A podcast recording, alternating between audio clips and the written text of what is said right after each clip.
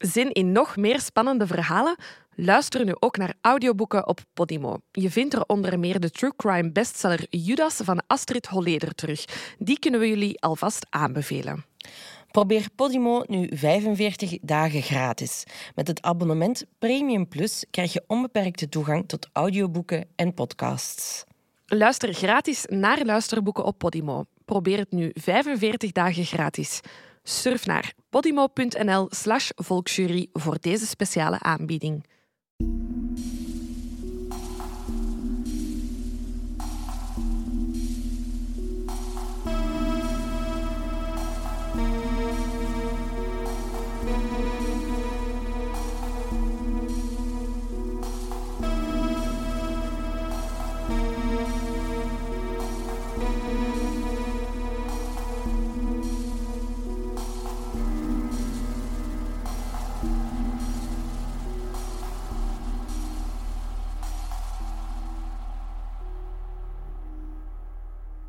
Welkom bij aflevering 33 van de Volksjury, deel A.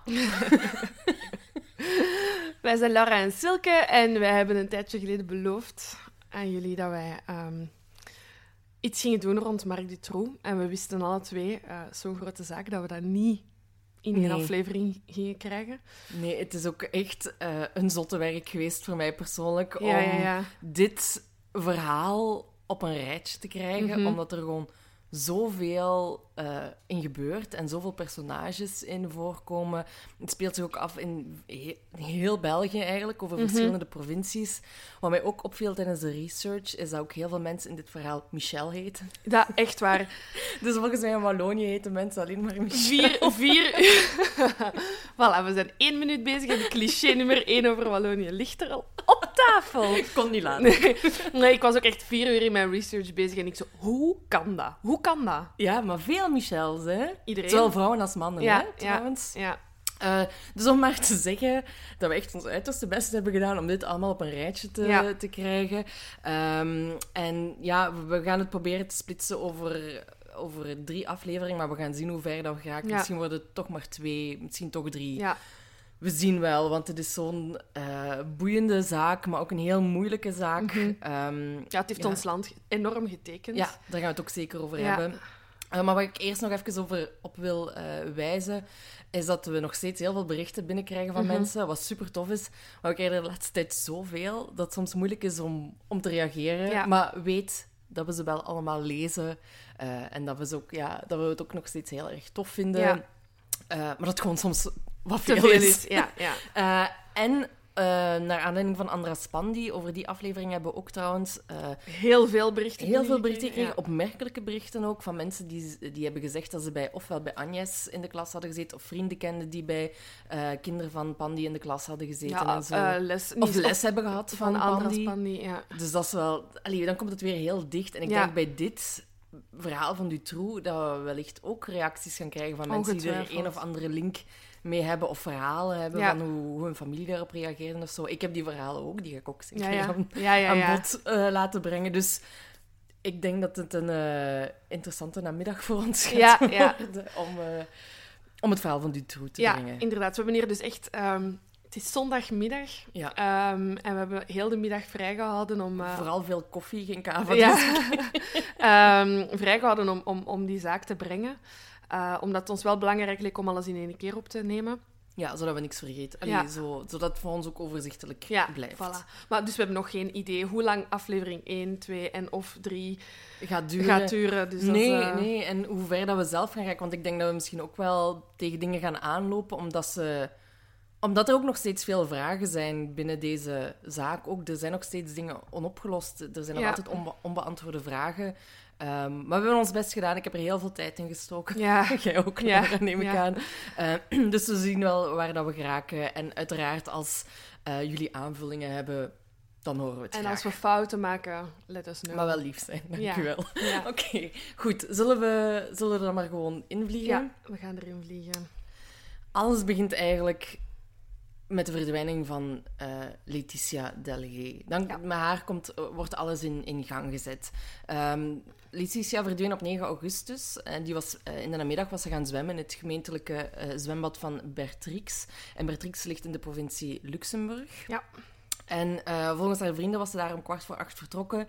En is het eigenlijk maar tien minuutjes stappen totdat ze bij haar thuis zou zijn. Maar om tien uur s'avonds was ze eigenlijk nog steeds niet thuis. Ja.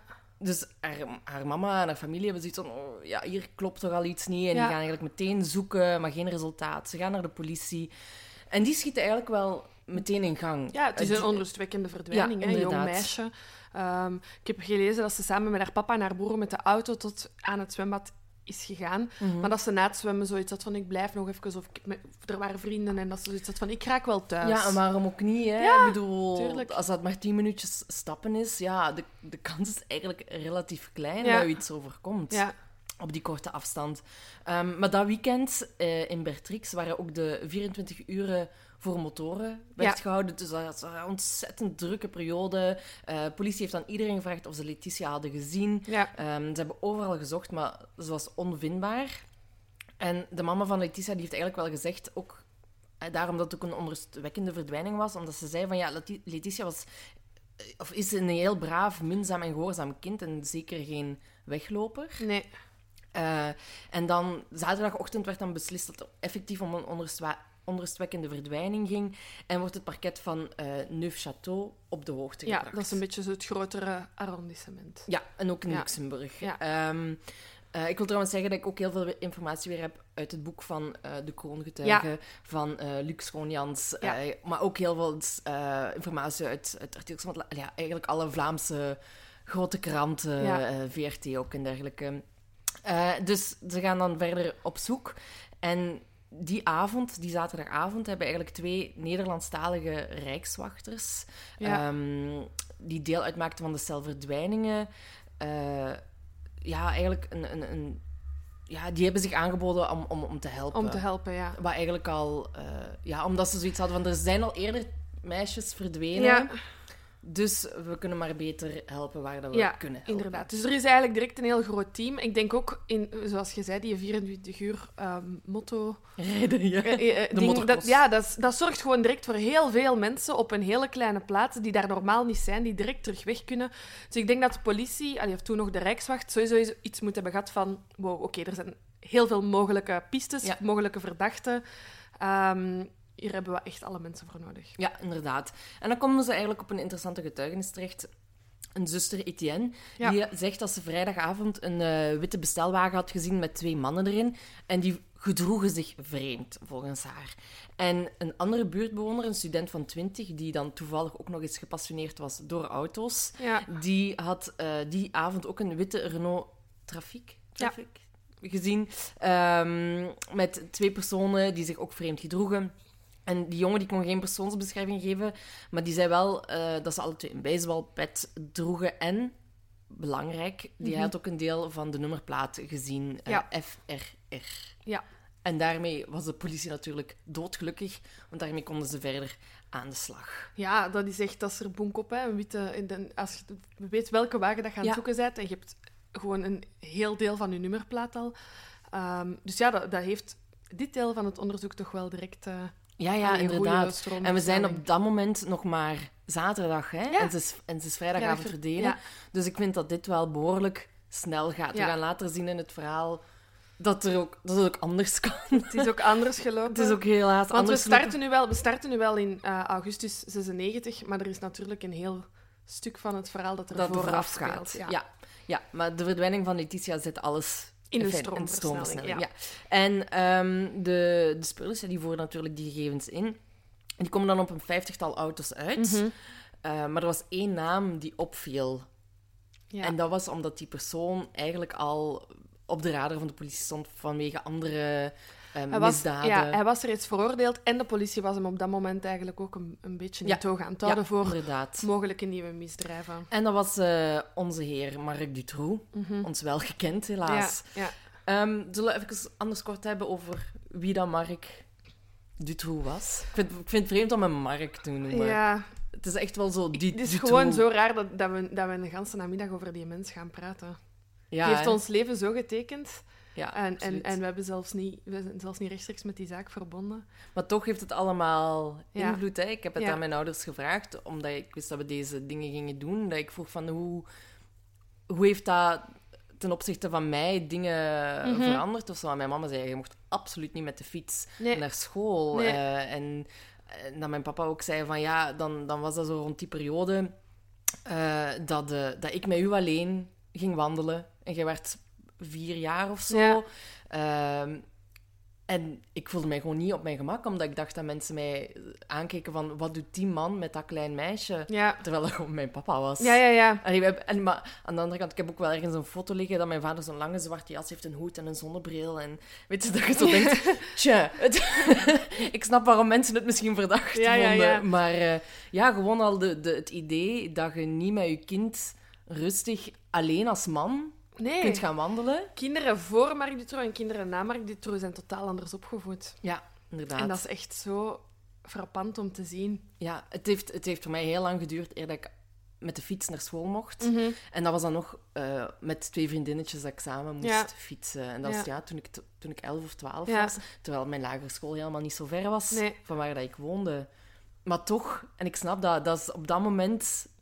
Ja, dat barst als een bom gewoon. Mhm. die, eh, Ja. Maar bon, we zullen eerst over, over Marc Dutroux Ja. himself. Marc Dutroux is geboren op 6 november 56 eh, in Elsene, dat is Brussel.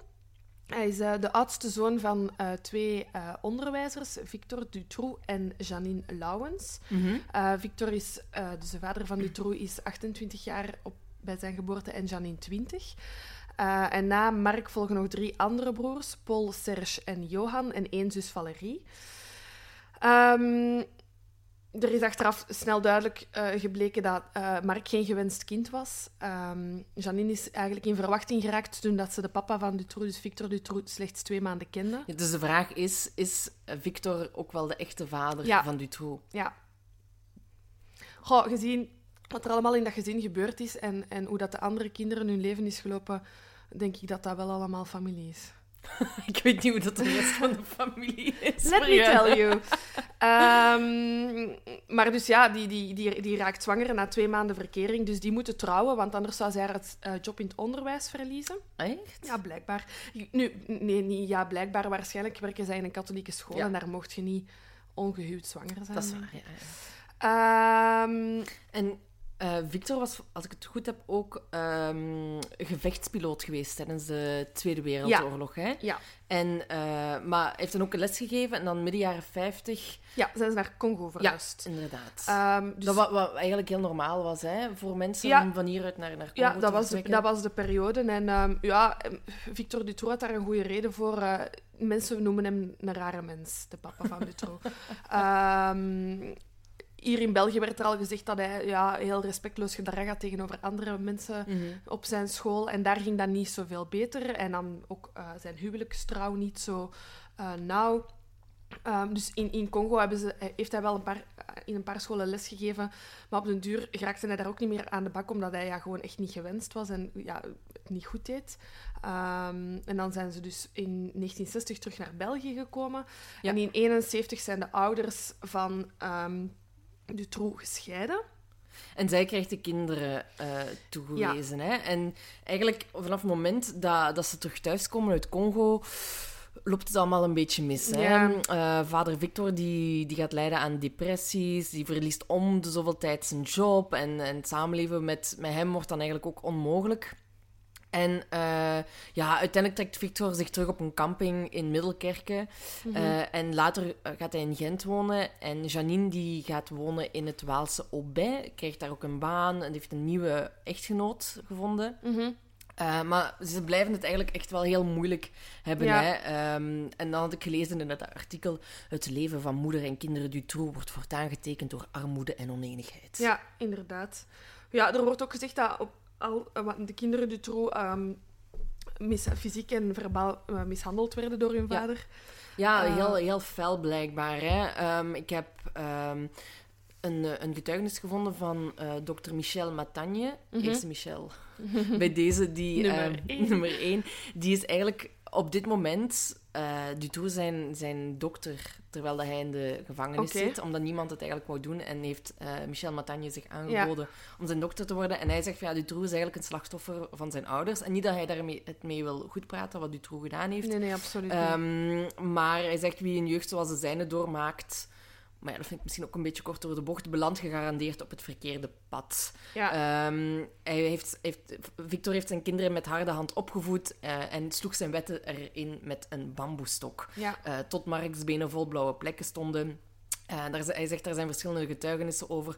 Ook zijn broer Paul heeft het over onvoorstelbare klappen. ja. Dus ja, ik snap wel dat dat u tekent, maar dat Ja. is geen excuus om tot Nee, zulke gruweldaden over te Zoals gaan. ik, hè. al zeg, hè, zoals ik al zei in het begin, hij heeft drie broers en één zus. En geen van hen is in aanraking gekomen met het gerecht. Ja, Ehm, ze hebben het allemaal, eh, ze hebben wel allemaal een, een, een geschiedenis van mentale problemen, maar er zijn dus andere manieren om, om, om daarmee om te ja, gaan. Hè. ja, ja. Ehm, er wordt ook wel gezegd dat, ehm, omdat Mark is de oudste, dat hij ook een soort van voorkeursbehandeling van zijn mama krijgt. Ah ja. Ehm, dus dat hij vaak het eten mag beslissen, eh, dat er s'avonds op tafel komt. Hij heeft als enige een, alleen, een kamer alleen en de, drie- de vier andere kinderen moeten in één kamer slapen.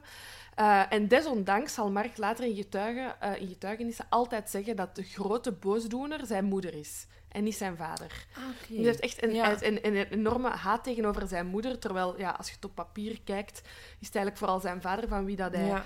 ehm, allee, van wie dat hij heeft afgezien. Maar de grote, eh, hij verwijt zijn moeder eigenlijk twee eh, dingen. En dat is ehm, zijn broer Serge, eh, dus de derde broer, denk ik. Ehm, heeft, is, is eigenlijk altijd ehm manisch depressief geweest, heeft last gehad van schizofrenie. En heeft eigenlijk ehm, zelfmoord gepleegd in een, eh, toen hij in behandeling was in een instelling. Ja. Eh, en Mark heeft dat altijd rechtstreeks op zijn moeder afgeschilderd van het is uw schuld dat mijn broer zelfmoord heeft gepleegd. En een tweede conflict waar dan, waarom hij echt zijn mama haat, ehm, is de, eh, zijn grootmoeder, Ja. Armande Kams. Ehm, Zij was eigenlijk de enige die Dutroux wat affectie... ja, en ook, en ook tijdens zijn eerste veroordelingen goed, alleen niet goed praten, maar geloofde in zijn onschuld. Ja, inderdaad. Ehm, Wa- wa- Wat ik daar over zijn grootmoeder nog heb gelezen, hè, is dus dat zij de enige was die eh Dutroux wat affectie gaf toen hij Mhm. nog een kind was. Ehm, maar van zodra zijn ouders dat merkten, hebben ze hem bij haar eigenlijk weggehouden. En daarom ziet ook dokter Michel Montagne, vind ik heel frappant dat hij Ja. zegt, Dutroux als een martelaar. ja, zo schildert Dutroux zichzelf ook heel graag Ja. af. Hè? Ja. Ja. Maar goed, dat is een beetje zijn, zijn, zijn jeugd. Ja, ik heb Ehm, hier nog één eh, quote uit, het, uit, een, mm, ja, uit een psychiatrische eh, onderzoek dat dan ook ehm, later in het proces gebruikt is. De vader Victor Dutroux was de enige overlevende van zeven kinderen. Hij was een zoon uit een huwelijk van een neef en een nicht. Vier van zijn broers en zussen stierven voor ze vijf jaar oud waren. Eén stierf op zijn twintigste aan een zenuwziekte, één op 16-jarige leeftijd in een psychiatrische instelling. Janine Lauwens vertelde dat ehm, haar eigen moeder... Dus dat is, Janine is dan de, eh, de de mama, mama van... Ja. van Dutroux, ehm, dat haar eigen moeder waanideeën kreeg vanaf haar menopauze. Haar vader had ze, eh, zoals ze zelf vertelde, ehm, had eh, autoritaire en sadistische trekjes. Dus naast haar ehm schizofrene zoon Serge ehm, ehm, was Mark, dus een andere broer van Dutroux, zeer asociaal. Wacht, want Ja, dus dat vertelt Janine over haar eigen kinderen. Dus dat Serge is de, is de broer die dat... dat- Dus haar mama van, ja, van Janine, dus de, die, die zou waanideeën hebben gehad. Ja. Haar papa zou sadistisch geweest zijn. Ja. Over haar eigen kinderen zegt ze dan, los van Mark, is, eh, heeft ja, Serge daar was schizofrenie bij vastgesteld. Eh, Paul ehm, Ja. was asociaal en kon niet functioneren ehm, op school en, en, en in vriendengroepen. Ehm, dan heb je... Nee, sorry, dat was... Ja. Dan is- zei je Jo- dan heb je nog ja. Johan, die is motorisch gehandicapt geboren geworden. De enige met wie niks mis was, was de dochter Valerie. En dat is wat de psychiater zei, best wel een zwaar beladen familieportret. dat is nog mild. Dat is nog mild. Dus ja, er, er zit wel van alles scheef in die genen, denk ik. Oh, man. Ja. Ja, en je kiest natuurlijk ook weer niet waar dat je geboren wordt. Nee, nee, nee. Zo. Eh, maar wel heftig inderdaad om zo'n zo'n Ja. jeugd mee te maken. Dat, dat is ongetwijfeld, ehm, dat staat buiten kijf. Maar ja, zoals ik al zei, is dat geen, geen excuus. Want ik heb wel het gevoel dat dat vaak wordt aangehaald van ja, hij heeft een zware jeugd gehad. Ja, maar ja, als advocaat snap ik dat dat wel het enige is Ja. waar dat je nu aan kunt rechttrekken om iemand te proberen Inderdaad. vrij te krijgen. Ja, maar dat, als, als het, allee, dat kan misschien wel ergens een rol spelen. Mhm. Of je kunt dat in je achterhoofd houden, maar dat kan nooit een Nee, doorslag nee, geven. Want als je ziet naar zijn, naar zijn broers, er zijn nog mensen die, die in zo'n situaties opgroeien, die een goed leven uitbouwen. Ja, dat is waar. Dus ik, ik geloof niet dat, dat dat per se de, de oorzaak is Nee, van wat dat hem eh, Nee. gedaan heeft. Zeker omdat het tweede deel van zijn jeugd... En dan, dus hij zou op zijn zestiende thuis vertrokken zijn en alleen zijn gaan wonen. Mhm. Ehm, en dat, dat is dus iets dat wij ons vandaag denk ik niet meer kunnen voorstellen. Maar dus hij woonde vanaf zijn zestiende alleen, leefde zijn eigen leven. En hij was heel intrek bij de vrouwen. Mark. Ehm, en hij, hij, hij zegt daar zelf, zijn grootste troef op amoureus, amoureus vlak is zijn schaatskunst. Ja, want dat is zijn passie, hè, Ja, dus, schaatsen. dus in 1973 is hij beginnen trainen voor, eh, in, in de schaatsclub Dat geeft je hem nu toch niet... in Montigny, in Charleroi. Ja, en hij ging, dus dat was echt zijn vrije tijd. Dus hij ging daar elk moment naartoe en hij zegt zelf, ik was de beste schaatser op de baan. Ja. Mensen wouden beter worden dan ik, wat dan niet ging. Dus alle aandacht ging sowieso naar mij. Ja, maar we hebben dat toch hebben we dat niet nog in een aflevering verteld? Dat, of heb ik dat ergens anders gehoord? Dat als je iemand eh wou ontmoeten, of wou daten met iemand, dat Ja. je naar de schaatsbaan ging. Ah ja, oké. Hebben wij dat niet? Ik weet het niet. Ik meen me dat te herinneren dat dat, dat, dat dat ooit eens verteld is geweest tegen mij. Dat, eh, dat je zo meisjes leerde kennen. Of jongens zo op de schaatsbaan. Ik weet niet waar ik het dan gehoord heb, maar dat is, het klopt dus wel. Ja, In zijn geval. Ja, en, en daar heeft hij eigenlijk al zijn partners leren kennen ook, hè, Ja. op de schaatsbaan. Ehm, dus hij leert daar eh Françoise kennen, dat is zijn, is zijn eerste vrouw in 1974. Ehm, en d- dat is dus echt al voor mij de eerste red flag, is dat zij nog geen 18 is op het moment dat ze elkaar leren kennen. En hoe oud is hij dan? Eh, ik, ik denk 16. Dat heb ik nu niet opgeschreven. Ik denk dat zij 16 is. Hij is sowieso al meerderjarig. Ja. Eh, ze leren kennen, hij leert haar kennen en hij wil onmiddellijk met haar trouwen. Maar haar familie zegt, ik zou toch wachten tot je 18 bent. Ja, dat is wel een, al een red flag, Ja, inderdaad. voilà. Eh, en hij woonde dus alleen en François zegt, eh allee, heeft getuigd achteraf van, ja, in onze relatie, ja, hij woonde dan al, alleen en hij was een oudere, allee, een oudere jongen en hij was heel Mm. knap. Ehm, maar die relatie zat eigenlijk direct scheef. Eh, Als ik bij hem thuis op bezoek, op bezoek ging, was hij dan, waar hij alleen woonde, begon, moest ik alles direct opruimen. Ehm, hij deed, allee, hij deed, hij deed Mm, niks. En, en ja. ik, ik, ik heb mij direct eigenlijk onderdanig... Allee, er werd van mij verwacht om mij direct onderdanig op te stellen en dat heeft hij dan ook gedaan. Allee, dat, dat heeft zij dan ook gedaan. Ehm, en dan ja, twee jaar later trouwen ze. En echt vlak erna wordt zij zwanger. ja. ja. Ehm, en daar zegt Dutroux zelf over, ik was er eigenlijk nog niet klaar voor, maar ik heb direct mijn verantwoordelijkheid ge- genomen. Oh ja, oké. Ja, eh, ik heb erop gelet dat François evenwichtige voeding had, niet te veel brol binnenkreeg. Ja, maar goed, we horen straks ook nog dat hij bepaalde personen evenwichtige voeding gaf, Ja. wat ook niet bleek Ja, te kloppen. ja hè. want hij wou dus vooral, dat is ook echt weer zo'n schone quote, Ehm, hij wou vooral dat ze zich niet te buiten liet gaan aan excessen, want dat zou gevolgen hebben voor moeder en kind en zeker ook voor die zwangerschapsstreamen. ja. Françoise, uiteraard, haar versie van de feiten brengt dit dan iets genuanceerder. Oh en zij zei, het enige wat... ehm, eh, hij zei dat het enige wat mij nog interesseerde mijn dikke buik was. Eh, ik had de indruk dat hij jaloers was. En de eerste keer dat hij mij heeft geslagen was toen ik zes maanden zwanger was. Oh my Ja. god, ik weet niet Ja. eens wat ik daarop moet, eh, Ja. Moet zeggen. Ja. Dat is ongelooflijk. Maar eh, in juli 77 wordt zijn eerste zoon dan geboren, Danny. En in 79 Xavier. Dus zijn eerste twee kinderen krijgt hij bij Françoise. Ja. En hij... Maar ze scheiden dan uiteindelijk, Ja, hè? ja, dat blijft niet duren. Dat hè? blijft niet duren, hè? Want ehm, in 88 trouwt hij voor de, voor de tweede keer Ja. met onze tweede Michel in het verhaal, eh, Michel Martin.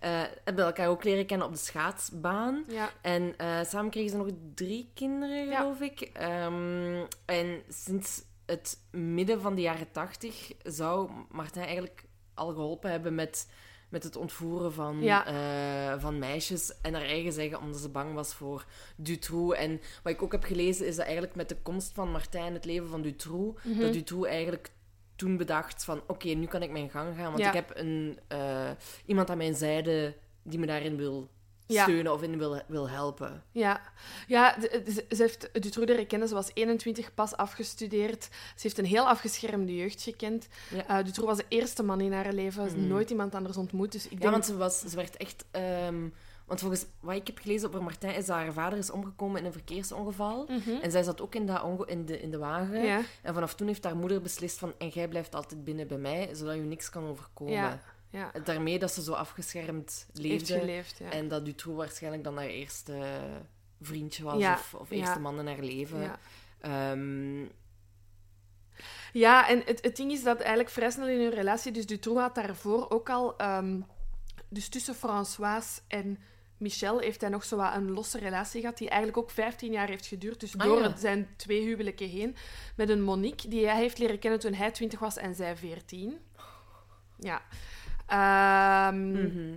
En Michel Martin was daarvan op de hoogte, eh, dat die elkaar nog altijd zagen. En zij nam dat daarbij. Zij had zoiets van, ja, kijk... ehm, ze- ik denk dat Michel Martin echt van in het begin ook zeer snel vrede heeft genomen met die onderdanige positie. Mhm.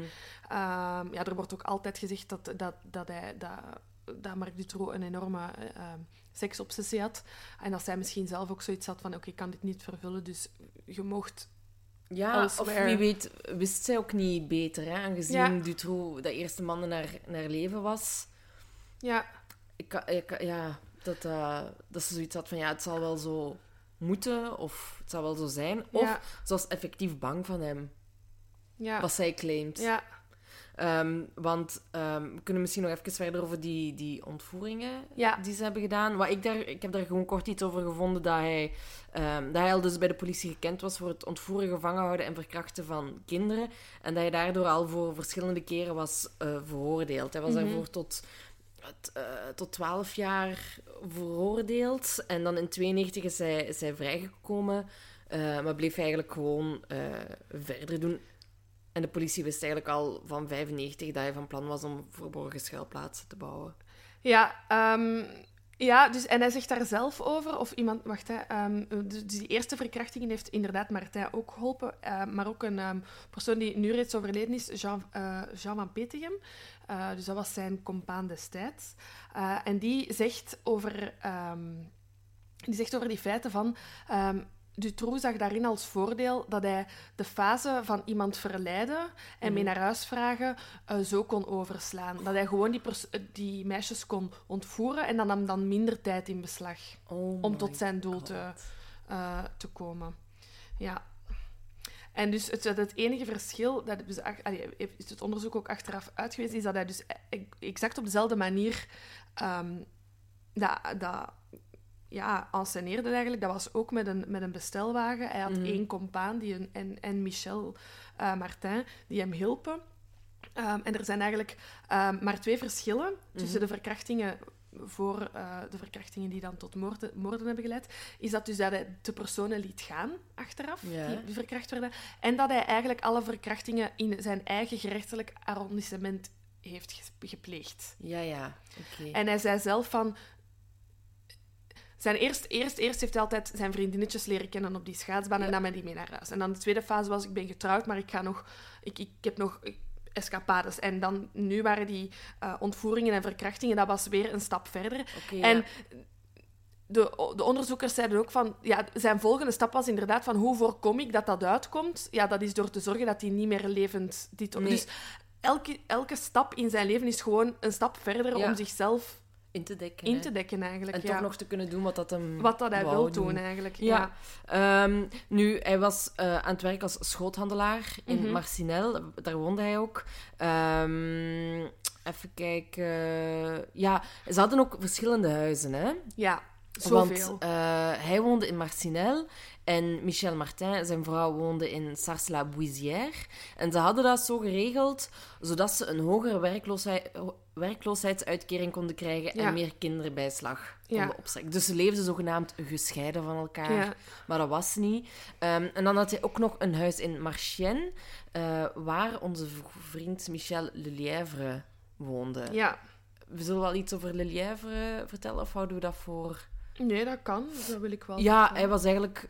Ah ja, doe maar. Nee, nee, nee, dat, niet van ik wil dat vertellen, maar dat, dat kunnen we doen. Ja, ik, eh, ik heb daar alleen dat hij eigenlijk een drugsverslaafde dief was en eh, dat, eh, ja, dat zij bevriend waren geraakt.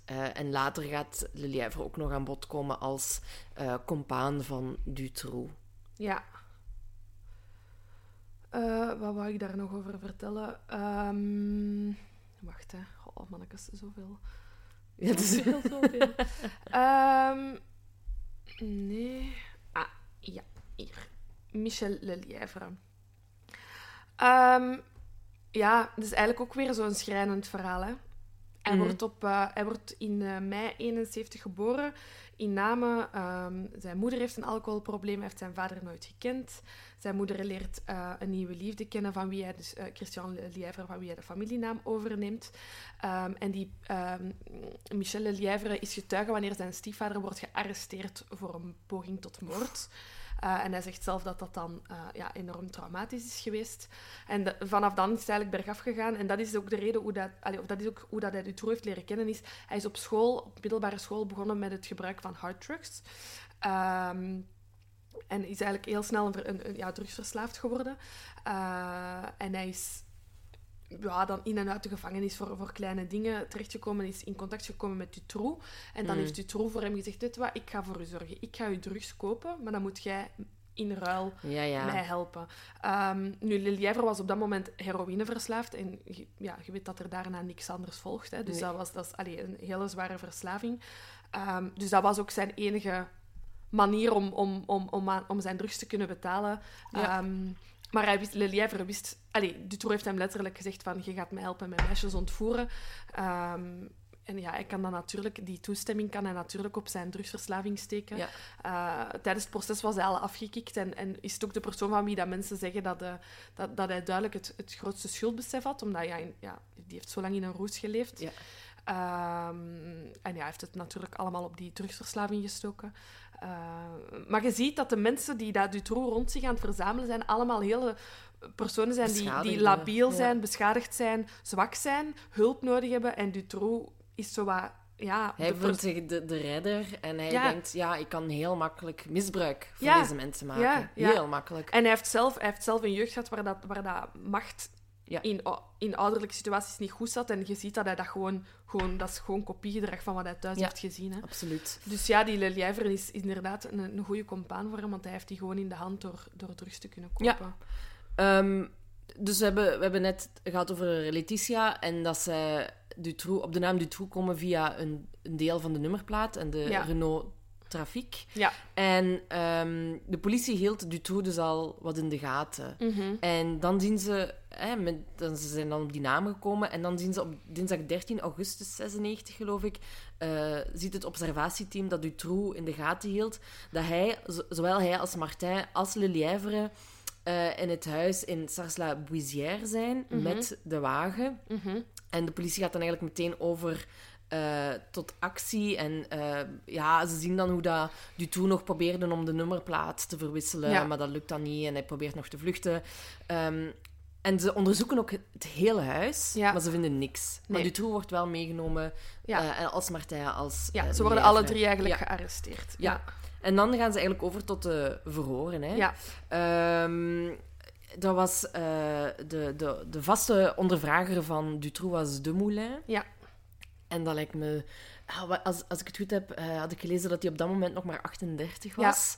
heel en, jong, eh, dat hij op dat moment de meest aangewezen persoon was, omdat hij binnen het politiekorps eh, tot dan toe het meeste had te maken gekregen met moord en drugs. Ja. Maar je zit 38 en er zit zo iemand als Dutroux voor u. Bon, hij wist dat op dat moment nog niet Nee, wie nee, dat nee. Dutroux was, want hij zegt ook van, ik wil op zich niet weten wie dat er voor mij zit, want anders ga ik al een subjectieve mening vormen Ja. over, over wie dat er voor mij zit. En ik moet van een clean slate Ja. beginnen. ja, en ook... Allee, tot dan had ons land nog nooit zoiets meegemaakt. Nee.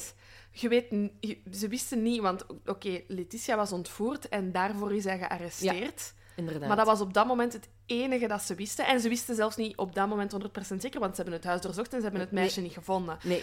Dus, Dus- ik denk dat ze alleen wisten dat hij er iets mee te maken Ja. had, maar ook niet Ja, zozeer. en ze Maar- hopen natuurlijk dat dat direct de juiste persoon is, maar ik denk, ik zou van mijn stoel vallen in die ondervragingskamer. Ja, ja want ehm, ze zijn dus eigenlijk al, al... Hij is al twintig uur aangehouden, Dutroux. Mhm. En die eerste verhoor hebben nog steeds niks opgeleverd. Hè. Ehm, ze wisten dus ook nog steeds niet waar Letitia was.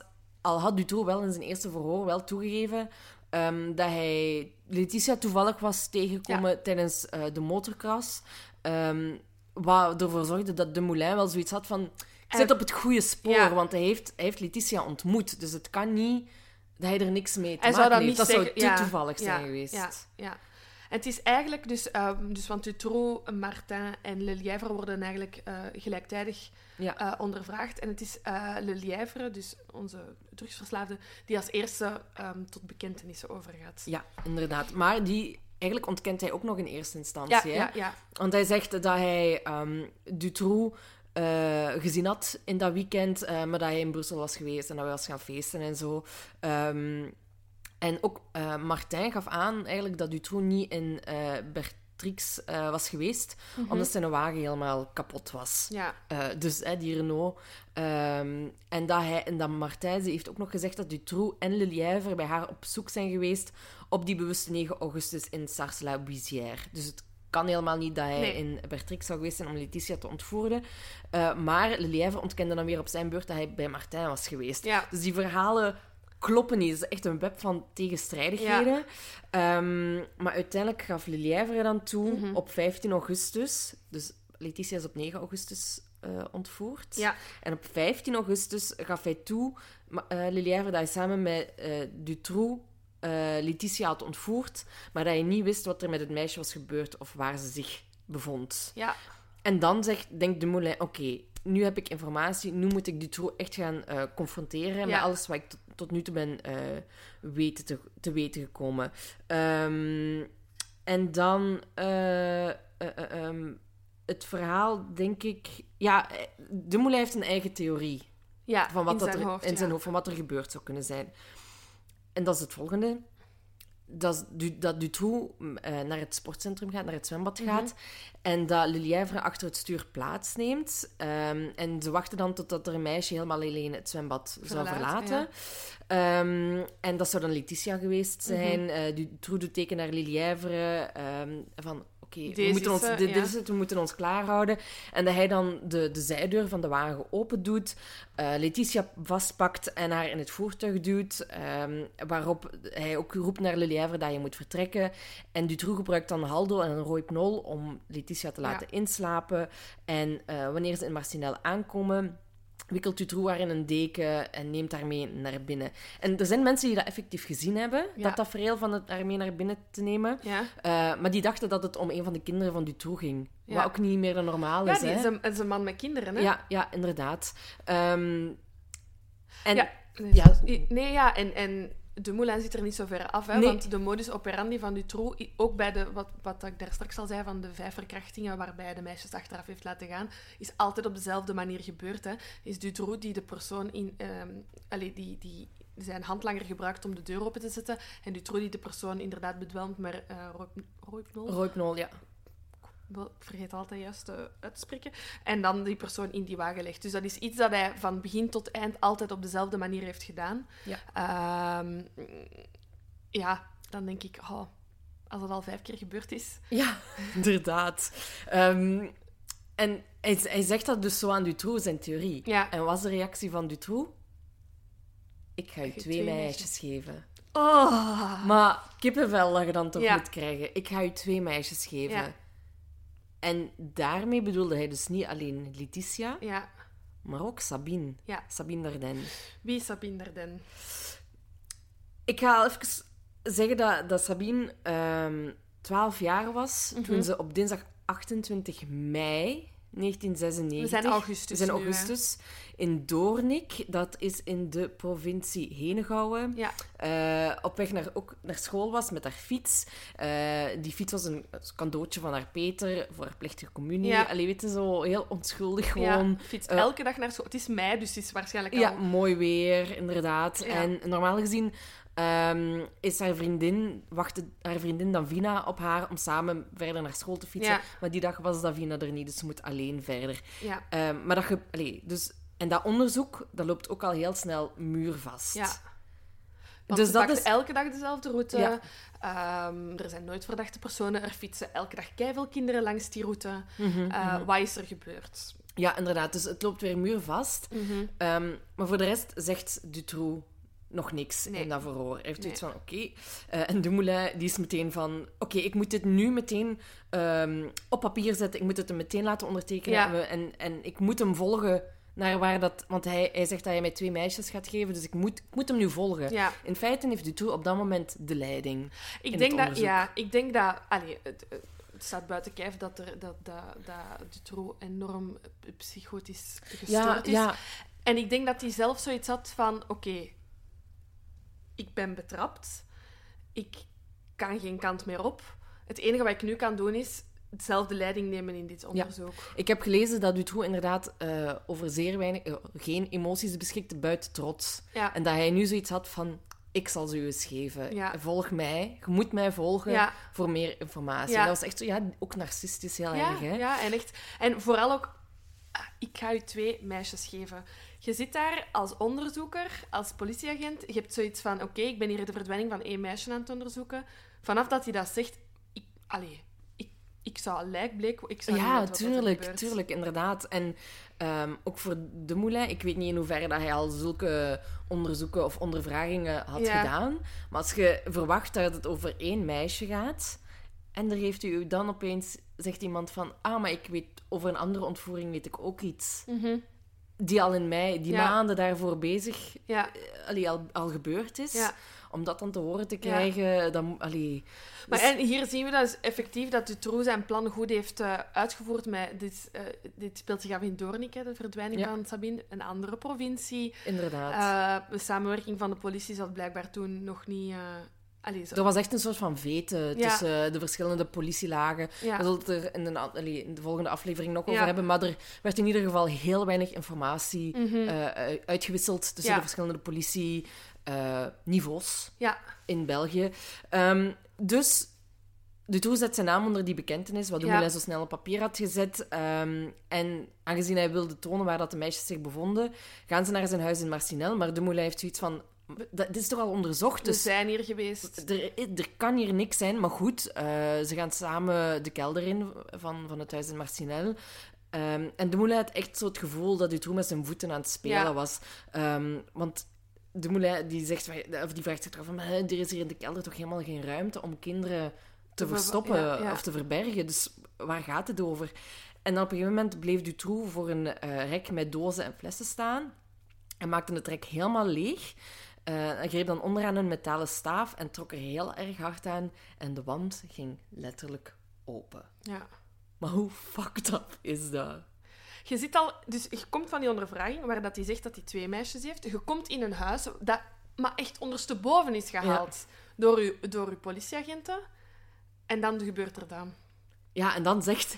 Dan nog, nog het, een van de meest opmerkelijke dingen is dat Dutroux in het gat riep van... eh, niet bang zijn, ik ben het, kom maar. En dat de reactie uit het gat is van... Maar er zijn anderen bij u. Eh, en dat Dutroux dan weer reageert van... Maar dat is niet erg, want het zijn rijkswachters. Ja. Dus die... Ja... Die, die, ja, ik het al zeggen, dat waren uiteraard Letitia en Sabine die Ja. in, de, Ja. in die kooi zaten. Die durven niet eens naar buiten te komen, omdat Nee. ze zodanig gebrainwashed zijn. Maar we zullen het er straks ook nog over hebben. Ehm, dat, dat, de, dat, de, dat Dumoulin en, en de andere agenten die erbij zijn, een echt op hun gemak moeten stellen. Ja, zij vertrouwen op dat moment Dutroux meer dan al die Ja. agenten dat daar rondstaan. Inderdaad. Ehm, en Dumoulin die, die, die kijkt dan ook naar binnen en die zag eigenlijk dat de ruimte niet groter was dan 1 meter bij 2,15 meter. Ja, er kon net... ehm, ik denk dat er een, een soort van matras op de grond lag, Mhm. waarop dat de meisjes sliepen. Ja, Een emmer in stond en wat conserveblikken en water. ja er was dus een, het was dan een versleten matras, Ja. uiteraard. Ehm, een toiletemmertje, een kastje met een oude televisie. Ja, En inderdaad wat, wat eten. ja. Eh, en er was volgens mij een soort van ventilator als verluchtingssysteem. Ah. Maar dat was het ook. Ah, ja, Ja. anders, hoe, hoe krijg je anders Ja. lucht binnen? Hè? Maar dat Ja. was ook heel bric-à-brac in, eh, in elkaar eh, gestoken. ja, het is zo'n kleine ruimte, omdat het dus vroeger eh, als het, het is een oud huis en het, als water, het, was, het was ooit een wateropslagplaats, een watertank. Ah ja, oké. Ja, zie. Ehm, en effectief, zoals dat je daarvoor ook al uh, eens hebt aangehaald, is dat dus de politie weet had dat hij verbouwingen aan het doen was in zijn kelder. Ehm, en dat de politie dat heeft, zelfs heeft gezien, dat die daar hebben gestaan in die kelder.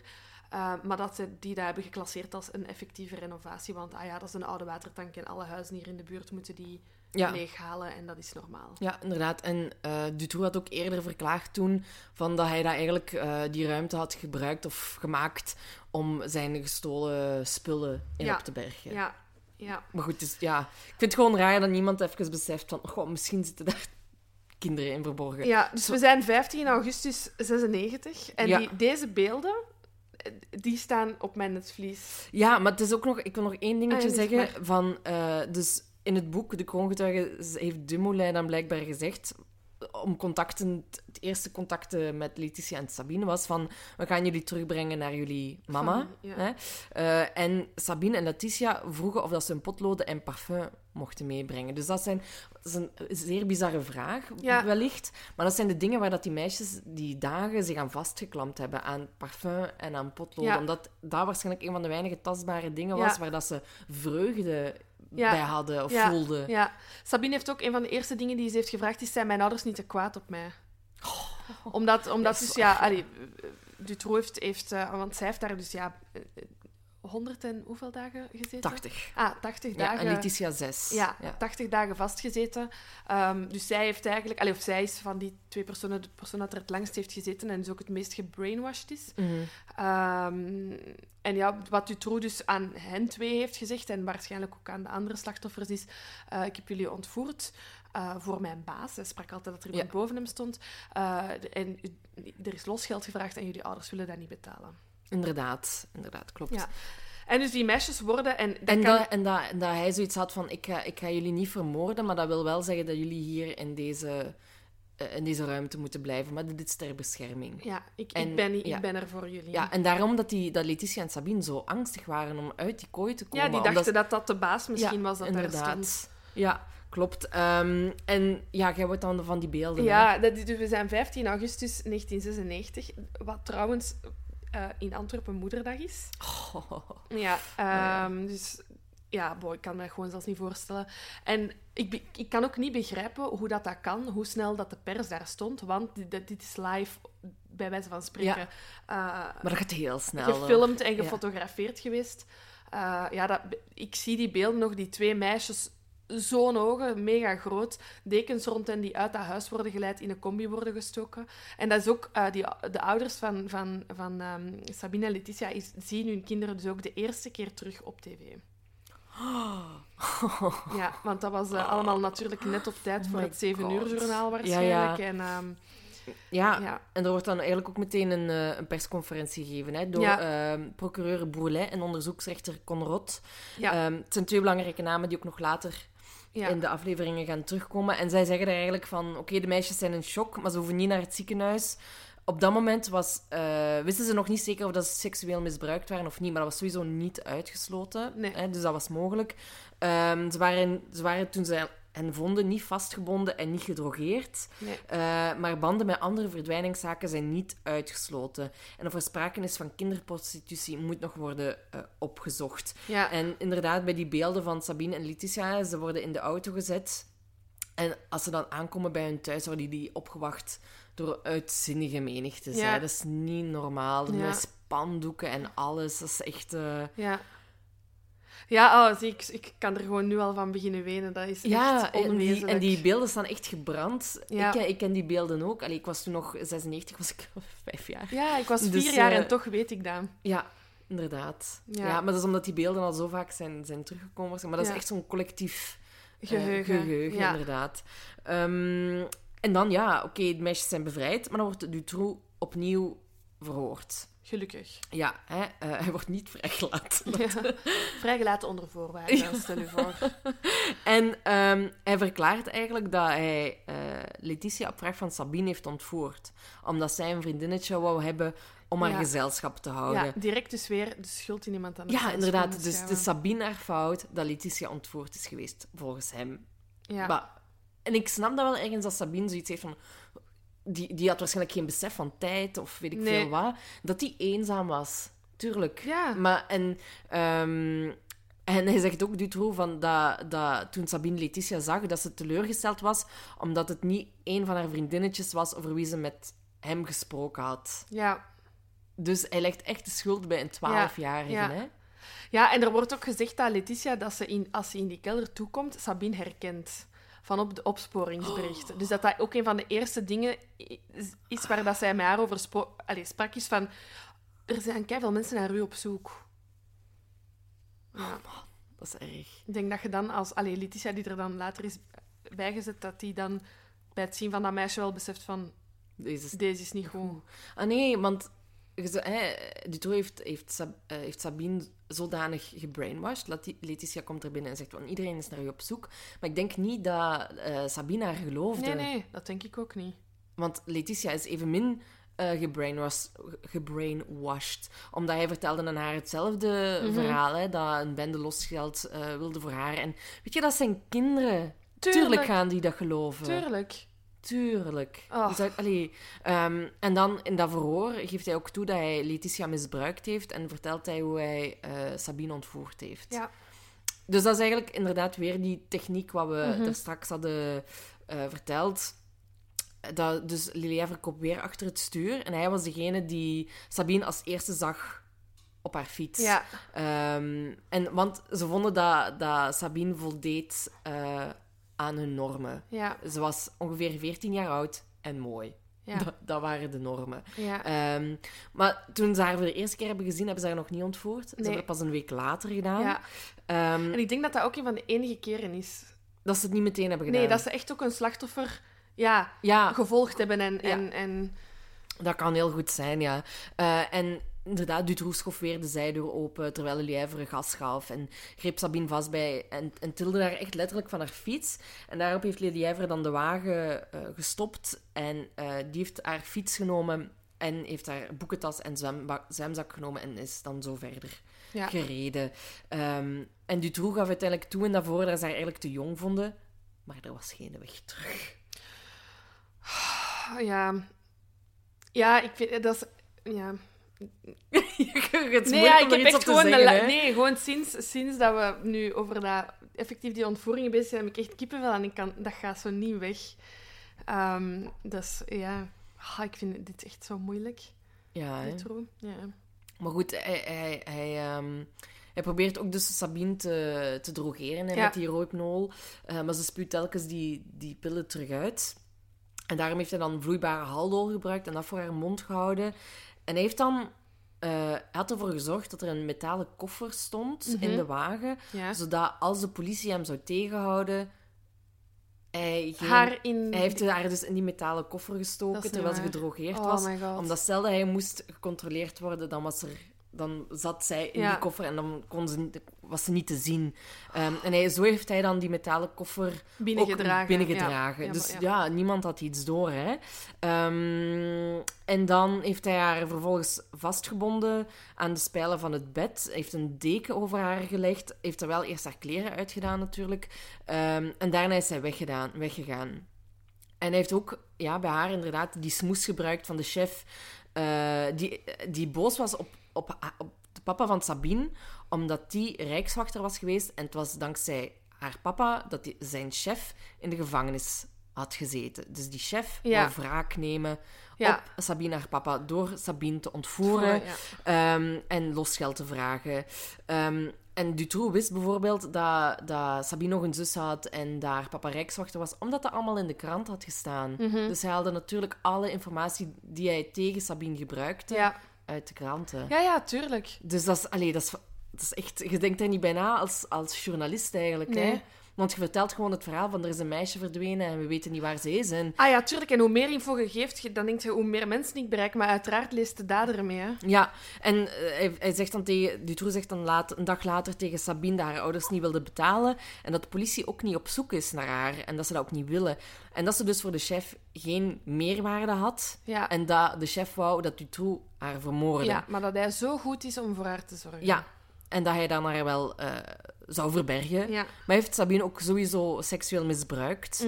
Ehm, en wat ook eh, heel verschrikkelijk is, hij heeft een ketting rond haar nek gebonden, Ja. die, dan op die aan het andere uiteinde met zijn enkel verbonden was. Dus telkens als hij bewoog, kreeg zij het gevoel dat zij aan het stikken was. Oh my god. Ja. Ja. En- Ik weet dat hij ook, ehm, dat zij dan ook vroeg van, ehm, ja, maar mag ik niet helpen om dat losgeld los, eh, los te krijgen? Mhm. Want zij zat echt, ja, ze, ze zat helemaal mee in dat verhaal.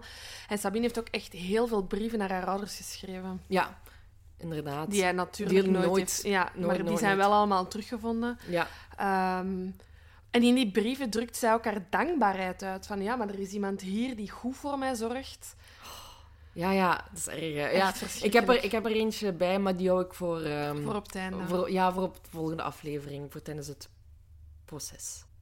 En zijn motief voor de ontvoering, eh zei Dutroux tijdens eh, zijn verhoor, Ja. was dat hij met eh, Sabine eigenlijk een nieuwe wereld wilde creëren. Want in de maatschappij zoals die nu is, die is verziekt en verrot. En daar wil ik niet meer in leven. Ik had ook zelfmoord kunnen plegen, maar dat kon ik mijn vrouw en kinderen niet aandoen, vond ik. Maar ja, maar die mens leeft echt in een andere... Die heeft echt een andere... Ja, die leeft in een andere wereld. En, oh my god. Ja, Zo alles om... Want dat denk ik dus ook. Hij is zo manipulatief. Maar daar, en we hebben dat al vaak gezegd, daar is echt een vorm van intelligentie voor nodig. Hè? ja absoluut. Ah, mannekes. Dat is zo spijtig. Ja, ik, het is echt opmerkelijk dat er, dat er zo'n mensen, zulke mensen rondlopen. Ja. Hè? Want eh, ik wil nog even ook iets zeggen over de omstandigheden waarin dat de meisjes moesten overleven. Ja, Niet ja, leven, maar echt overleven. Ehm, hij zei van ja, ik zette altijd een twintigtal liter water in de, eh, in de kooi. Ook dozen met melk, conserven met groente, vlees, sardines en tonijn. En zorgde dat er ook voldoende was voor als, hij, voor als ik langere periodes weg zou zijn. En, oh, zijn goed hart, hij gaf de meisjes soms ook boterhammen met choco en in de mate van het mogelijke gaf hij hen één keer per dag een warme maaltijd. Wat een held. Ja, echt waar. Oh, mannekes. Maar, maar ook zo de... ehm, en, en dat heeft de Moulin achteraf ook eh, verklaard, is i- hoe, hoe ehm, Dutroux ook tijdens die verhoren ehm, zelf besliste over welke onderwerpen dat hij wou uitweiden en welke niet. En dat zijn zo van die dingen... Uiteraard is er gevraagd, heb je die eten gegeven? Maar zo die precisie en zo... En ik heb ze dat gegeven. En dat, dat is... Ah, dat is zo maniacaal dat je denkt van... Waarom, waarom wilt je hier zo graag op... Ja, nee, maar... Maar dat is die trots. Ja, die- hij is er trots, trots op, op, dat ja. hij hen boterhammen met choco gaf. Ja. Dat hij ze niet, niet zomaar heeft laten creperen Nee. in die kooi. Nee, en- en die choco, dat is echt, dat is echt een, een punt. Hè, bij Dat is een punt, ja. Want dus, eh, later in de gevangenis, maar dus ook bij zijn kinderen, Ja. had hij zijn eigen dus in zijn gezin, voor heel deze horror is begonnen, had hij zijn eigen pot choco en zijn kinderen hadden een apart pot choco. Ja. En dat is, eh, heb ik gelezen, ook volgens een verklaring van zijn dokter. Omdat zijn vader, Victor, had, eh, die had vroeger kocht ook choco of chocolade. Ja. En die gaf die nooit aan zijn kinderen. Hij hield Nee. die chocolade altijd voor zich. Dus Ja. die choco is een heel gevoelig Ja, dat is echt punt. een gevoelig onderwerp. Dus Ja. het feit dat die meisjes een boterham met choco hebben gekregen... Amai, dat we daar nog geen dank u voor hebben gezegd, dat is ongelooflijk. Maar goed, we, we zijn dus blijkbaar al een uur bezig en we hebben nog niet eens de helft gedaan van wat we wilden doen in, in aflevering 1. Eh, maar we gaan voorlopig hier afronden. En eh, de, ja, eh, de volgende aflevering gaan we verder. En je Ja. kunt natuurlijk kiezen van bewaar ik alle afleveringen voor in één keer Ja. te luisteren, want dat kan ook. Ja. Of je luistert iedere week eh, naar één aflevering. Ja, want zoals gezegd, hè, we posten ze eh, nu Elke de drie donderdag. donderdagen voor, voor de kerstvakantie. Ehm, dus ja, je kunt wachten. En, en eh, de volgende aflevering start eigenlijk... Want allee, mensen die een beetje vertrouwd zijn met de zaak... ehm, wat dat ik denk dat bijna iedereen is, is dat er uiteraard nog meisjes verdwenen Ja. eh, zijn. Dus we starten de volgende aflevering eh, met, de, ehm, met de andere meisjes die... Ja, met, eh, met de verdwijning van Julie en Melissa eigenlijk. Ja, ja. Oh, echt, echt heel heftig hoor. Dit. ja, ik heb het echt al... Het is daarom misschien ook dat we even moeten stoppen na een uur. Ja, het lijkt me... Is, is, ja, we gaan dat doen. We gaan gewoon nu stoppen. en eh even bekomen van Ja. dit, dit deel al. En eh, Dan zien we jullie volgende, volgende week. week. Of over vijf minuten. Hangt er vanaf wat, hoe dat jullie luisteren. dat is goed. Oké, bedankt om alvast te luisteren. En laat zeker iets weten Ja. eh, van wat jullie ervan vonden. Of jullie eigen persoonlijke ervaringen of getuigenissen over deze zaak. Tot binnenkort. Merci. Tada!